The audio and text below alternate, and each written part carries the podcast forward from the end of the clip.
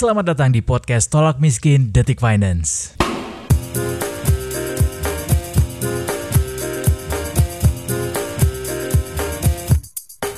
Beberapa minggu terakhir ada beberapa berita yang lumayan banyak menyita perhatian kita. Yang paling terakhir ini adalah soal boykot produk Prancis gara-gara pernyataan kontroversialnya Presiden Prancis uh, Emmanuel Macron yang bilang bahwa uh, agama Islam itu sedang dalam situasi yang krisis. Nah, ini banyak uh, banyak memicu pro kontra juga di di mata masyarakat dunia uh, dari Turki, dari negara-negara Islam mayoritas termasuk di Indonesia.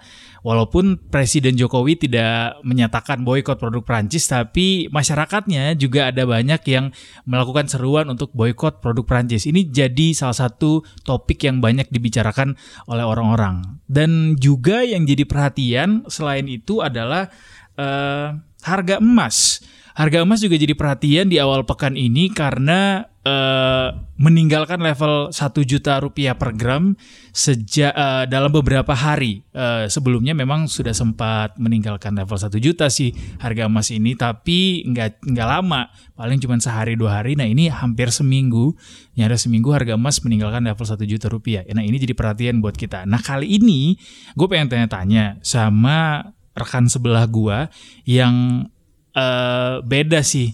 Yang satu nulis artikel, yang satu ngomong di depan TV, ngomong di depan layar. Kali ini kita bareng lagi sama Access in Access.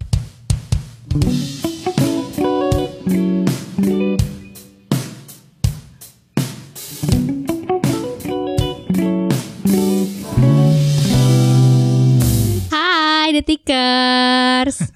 Apa kabar Eksis? kabar baik. Gimana COVID uh, berita di TV masih tentang COVID kah yang banyak mm -hmm. dilihat atau gimana nih kalau dari redaksi? Sekarang tadi betul sih kata Edo yang lagi trending itu soal aksi boykot Prancis. Terus tapi selain itu masih soal COVID juga karena mm -hmm. ada beberapa negara di Eropa yang kasusnya ternyata melonjak tinggi lagi sampai akhirnya iya, harus yeah, yeah, lockdown yeah. lagi. Banyak yang lockdown tahap 2 ya. Mm -mm, jadi ternyata masih belum selesai-selesai COVID ini dan kalau dari dalam negeri juga ada polemik upah minimum provinsi nih ah, UMP iya, benar, 2021 benar. yang beberapa wilayah ternyata masih naik ya, termasuk DKI Jakarta uh, juga. Walaupun ada sentimen-sentimen politik di situ, mm -mm. karena kalau kata pengusaha, uh, ya namanya juga dekat pilpres katanya iya, gitu. dan itu emang nimbulin pro kontra juga sih. Kalau para buruh sih pasti seneng ya, tapi dari pengusahanya ini nih katanya masa lagi ekonomi lagi krisis kayak gini, lagi covid masih sempet sempetnya naikin UMP gitu sih paling. Jadi pusing deh pengusahanya. Oke, okay, tapi uh, ada satu yang paling juga men yang menyita perhatian kita yeah. di iya. awal pekan ini adalah mengenai harga emas. Nah itu juga harga emas antam detikers perlahan itu mulai menunjukkan tanda penurunan. Kalau dilihat dari grafiknya, pergerakannya mulai menunjukkan gejala pelemahan itu sejak akhir September. Nih kalau gue lihat di sini, saat itu harga emas anjlok sampai 15.000 rupiah dari levelnya satu juta dua puluh empat ribu uh, per gramnya ke satu juta sembilan ribu itu di akhir September itu. Nah setelah itu harga emas antam sempat turun lagi dengan angka yang lebih besar bahkan dari satu juta tujuh belas ribu per gram ke sembilan ratus sembilan puluh sembilan ribu per gram. Wow. Nah sejak saat itu langit senjata lagi sama sih. Ini kok jadi berubah ya ke it, indie. It, it, itu adalah pertama kalinya uh -uh. harga emas kembali menyentuh level di bawah satu juta per gram setelah okay. sejak akhir Juli atau nyaris tiga bulan uh, betah di level satu juta per gram. Sekarang gimana?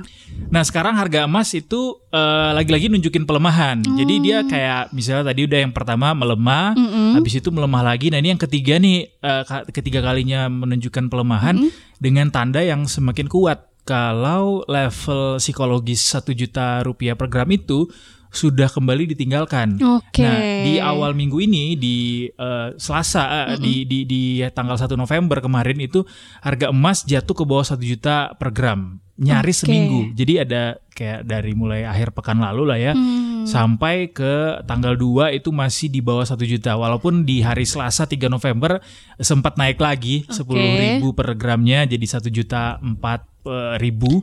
Tapi menurut sejumlah ekonom ada faktor eh, faktor-faktor yang memang membuat si harga emas ini memang uh, sudah layak untuk turun meninggalkan level benar. 1 juta rupiah. Jadi namanya harga komoditas atau barang itu kan pasti sesuai dengan prinsip supply demand gitu kan. Nah, Exactly. kalau menurut ekonom eh, Direktur Riset Center of Reform on Economic atau KOR Indonesia Peter Abdullah, Hmm. harga emas yang bergerak di bawah 1 juta rupiah ini memang menunjukkan bahwa ketidakpastian yang diakibatkan pandemi Covid-19 itu mulai mereda karena kan Hmm. emas ini safe haven Ya. artinya uh, orang-orang tuh berburu emas biasanya ketika uh, situasinya tuh lagi kalut gitu kan termasuk Betul. kayak lagi pandemi-pandemi ini nah tapi begitu pandemi kayaknya udah mulai mereda ketidakpastiannya karena ada uh, sentimen-sentimen vaksin terus juga Hmm. kelihatannya grafik di Indonesia khususnya ya udah mulai uh, agak Ada tanda pemulihan Iya, ya. pemulihan. Jadi kemarin juga kan perharinya nambah kasusnya sekitar 2000-an ya itu yang paling Iya, kecil. iya, iya, iya. Nah, katanya Pak Peter Abdullah ini Hmm. kalau menurut dia berarti penurunan harga emas itu artinya ketidakpastian di tengah pandemi itu udah mulai mereda. Oke. Makanya emas itu uh, udah mulai ditinggalkan nih. Jadi Oh, oke. uh, udah mulai beralih dari aset-aset yang aman-aman seperti emas ini ke aset-aset yang beresiko. yang berisiko nih ya. Uh, uh, jadi wajar harga emasnya itu udah turun. Artinya investor udah mulai beralih dari emas ke investasi lainnya yang dianggap bre- uh, resikonya itu lebih tinggi daripada emas. Misalnya Hmm. nih dikuatin lagi sama pendapatnya dari Ekonom Institute for Development of Economics and Finance atau Hmm. INDEF Bima Yudhistira Adi Negara itu juga sama pendapatnya. Jadi koreksi harga emas ini karena kepercayaan investor udah mulai balik lagi untuk investasi di saham atau surat utang. Ini kan level resikonya lebih tinggi kan Exactly. daripada Terakhir kali kita emas. ngomongin re- resesi, Mm-mm. ini adalah investasi jenis-jenis investasi yang ditinggalkan orang ketika Iya. resesi karena risikonya tinggi. Uh-uh, akhirnya harga emas waktu itu melambung kan. Exactly, satu juta rupiah tembus ke atas dan sekarang nih mulai meredah lagi sentimen-sentimen yang bikin ekonomi kalut dan gara-gara ini eh, proyeksi dari para ekonom juga memperkirakan harga emas itu akan bertahan di bawah angka Jadi satu juta. stabil-stabil aja gitu Iya, ya. bahkan sampai akhir 2020 katanya. Uh-uh, Nggak uh-uh, cuman uh-uh. sepekan dua pekan. Nah, eh, bahkan hari Minggu lalu itu harga logam mulia sudah dijual di angka 994.000 per gram. Waduh, sale berarti ya. belum belum sale Sale. banget sih ya, tapi lumayan Sel lah. dalam rangka libur panjang juga Uh-uh. kemarin. Ya, ya memang eh, angkanya di bawah satu juta rupiah, tapi proyeksi ini katanya bisa aja sih bergantung kar- eh, berubah Masih lagi. ya sesuai. Karena memang tergantung kondisi ekonomi Kondisinya dunia juga. gimana. Kita belum tahu nih ke depan akan ada apa lagi. Belum lagi sekarang nih kita nunggu hasil pilpres Amerika Serikat kan, Nah, itu yang juga bisa jadi ngaruh. akan berikan sentimen baru lagi nih buat dunia eh, peremasan atau lain-lain. Mm-mm. Dan bukan cuma dari Amerika, kita juga lagi nunggu rilis data ekonomi yang penting banget Betul. di bulan ini. Yang udah dari kemarin eh, banyak banget beritanya karena kita fix masuk ke jurang resesi. Itu bakal dibuktiin ketika nanti pengumumannya eh, pertumbuhan ekonomi Indonesia di kuartal ketiga 2020 itu tanggal 5 November nanti. Itu bakal jadi sentimen penting tentu buat semuanya Hmm. uh, instrumen investasi termasuk juga harga emas. Nah, Direktur Riset Core Indonesia Peter Abdullah tadi itu juga memproyeksikan harga emas sampai akhir 2020 kayaknya masih sama nih berada di bawah satu juta rupiah karena Tapi ini jadi Mm-mm. jadi anomali ya. Maksudnya eh, nanti kan eh, akan kita ketahui eh, pengumuman resesi di tanggal 5 ini. Mm-mm. Eh, dan kita udah bisa pastikan mungkin karena kita sudah bisa pastikan juga jadi kayak udah tahu nggak ada Iya, wait and see iya, lagi nggak ya ada, nggak ada yang mengejutkan gitu. Iya, in a way tapi data ekonomi terbaru menunjukkan adanya tanda-tanda pemulihan. Mulai Benar. dari kemarin Jadi ada walaupun inflasi. resesi, iya. Kalaupun nanti resesi gitu kan, udah Hmm. banyak juga yang proyeksikan bahwa minusnya itu nggak sampai sedalam yang kuartal 2 kemarin gitu kan. Yang kuartal Exactly. kedua sampai minus 5%. Nah, ini mungkin eh, minusnya lebih kecil gitu. Jadi ada pemulihan. Ada pemulihan. Makanya eh, ekonom juga memperkirakan harga emas ini akan kembali lagi ke level di seperti di masa sebelum awal pandemi. Hmm. Uh, harga emas antam maupun global diprediksi bakal balik lagi uh, ke level aslinya okay. dalam tanda kutip karena di tahun 2021 itu vaksin diyakini sudah bisa didistribusikan Amin. ke masyarakat dan akhirnya meredam kekhawatiran pasar karena aktivitas ekonomi itu akan kembali normal lagi. Hmm. Harapan kita sih seperti itu. Hmm. Yang apa-apa lah walaupun harga emas turun lagi ya. Iya, justru itu kesempatan kan kalau mau investasi gitu kan. Emas global juga sama nih, katanya hmm. bisa stabil di level 1.700 dolar per troy ounce atau setara dengan 887 ribu rupiah per gram malah di bawah 900 ribu okay. tuh ya. Nah setelah nanti mencapai level stabilnya itu hmm, yang hmm, seperti hmm. sebelum pandemi, baru deh harga emas bisa tuh melonjak lagi seperti level-level sekarang ini hmm. di satu jutaan atau mungkin bisa lebih lagi, tapi dengan catatan jangka waktunya sekitar 5 sampai 9 tahun mendatang. Ya, ya, ya perlu kita ingat lagi juga bahwa memang emas ini kan investasi jangka panjang ya. Jadi kita nggak bisa mengharapkan dia naik sedemikian tingginya juga dan yeah. bertahan lama juga karena memang sentimennya uh, besar banget di saat-saat seperti ini sehingga perlu diketahui juga buat detikers yang pengen investasi di emas hmm. itu harus tahu bahwa risikonya itu harus juga dipikir-pikir. Yeah. Makanya menurut Direktur PT TRFX Garuda Berjangka hmm. Ibrahim Aswaibi bilang bahwa ada baiknya juga buat yang saat ini punya emas, pegang emas, itu tahan dulu asetnya. Oke. Okay. Karena dia bilang uh, buat yang mau ngambil untung dalam waktu dekat itu bisa ngejual aja. Jadi kalau mau beli mungkin jangan dulu, mm -mm. tahan dulu. Tapi kalau mau jual bisa karena itu jadinya ambil untung ya yeah. sebelum harganya jadi Itu lebih. pun kalau mau jual benar-benar harus sabar nunggu momentum yang pas kan. Hmm. Karena kalau sekarang kan masih agak turun-turun dikit nih, pasti nanti ada waktunya dia agak naik dikit baru deh mungkin bisa jual. Tepatnya ada tandanya nih hmm. dari uh, stimulus di Amerika Serikat ketika nanti cair itu sekitar dua pekan ke depan depan hmm. bisa tuh mempengaruhi harga emas karena momentum itu bisa membuat harga emas meroket. Oke. Okay. Jadi buat yang punya emas sekarang bisa uh, diperhatiin gitu ya beritanya tentang stimulus AS ini.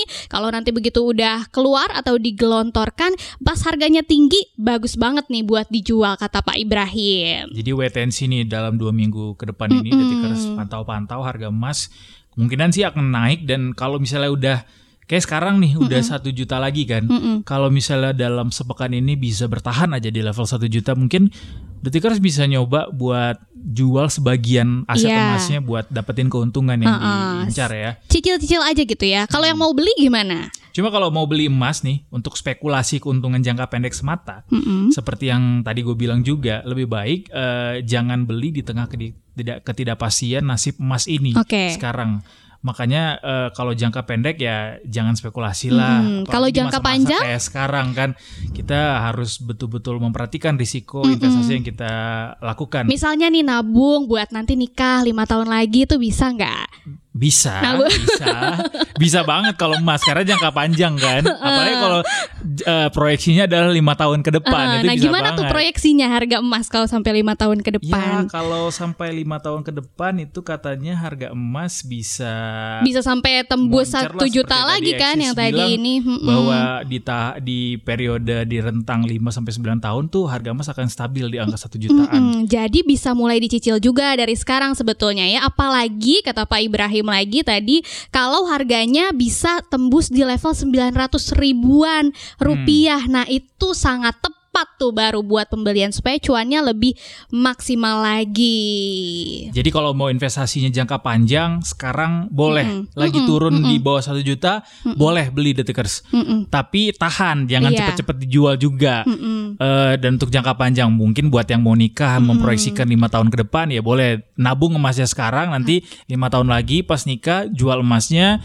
uh, bisa dipakai buat modal iya. kawin ya kan. Tapi kalau buat yang nggak punya duit uh, atau mungkin bukan yang nggak punya duit sih, buat pas-pasan modalnya buat gitu yang ya. pengen cepet-cepet, mm -hmm. jangan deh yang yang ngarep cuma satu dua tahun, jangan beli belum belum deh. kelihatan, sabar. Iya. Mending gitu. yang lain. Mm -mm. Surat utang mungkin, obligasi pemerintah mungkin iya. bisa. Atau saham kalau udah jago kan, misalnya. Iya bisa juga. Mm -mm, gitu. Jadi gimana? Eksis mencoba apa tertarik untuk beli emas di tengah pandemi atau mau ngejual emasnya nih sekarang? Aku tertarik sih mau beli, tapi dari kemarin masih mikir-mikir itu tadi momentumnya nih kapan nih jangan-jangan kan agak sayang juga ya misalnya sekarang beli di satu jutaan kurang dikit gitu ya ternyata besoknya masih turun lagi. Ah tahu gitu belinya baru pas itu. Tapi nggak apa-apa karena aku pernah uh, dengar juga nasehat dari uh, perencana keuangan hmm. gitu ya. Kalau mau investasi apa pun itu termasuk juga emas mendingan dicicil aja gitu. Karena kan kita nggak tahu momentum ke depan kayak gimana. Misalnya aku beli sekarang di satu jutaan ya udah cicil dikit satu juta gitu kan. Baru pas harganya turun lagi ya udah beli lagi gitu. Exactly. Jadi, nanti Jadi jangan nafsuan ya investasi uh, ya. Harus sabar detikers apalagi di momentum kayak gini sekarang biar bisa ditolak miskinnya.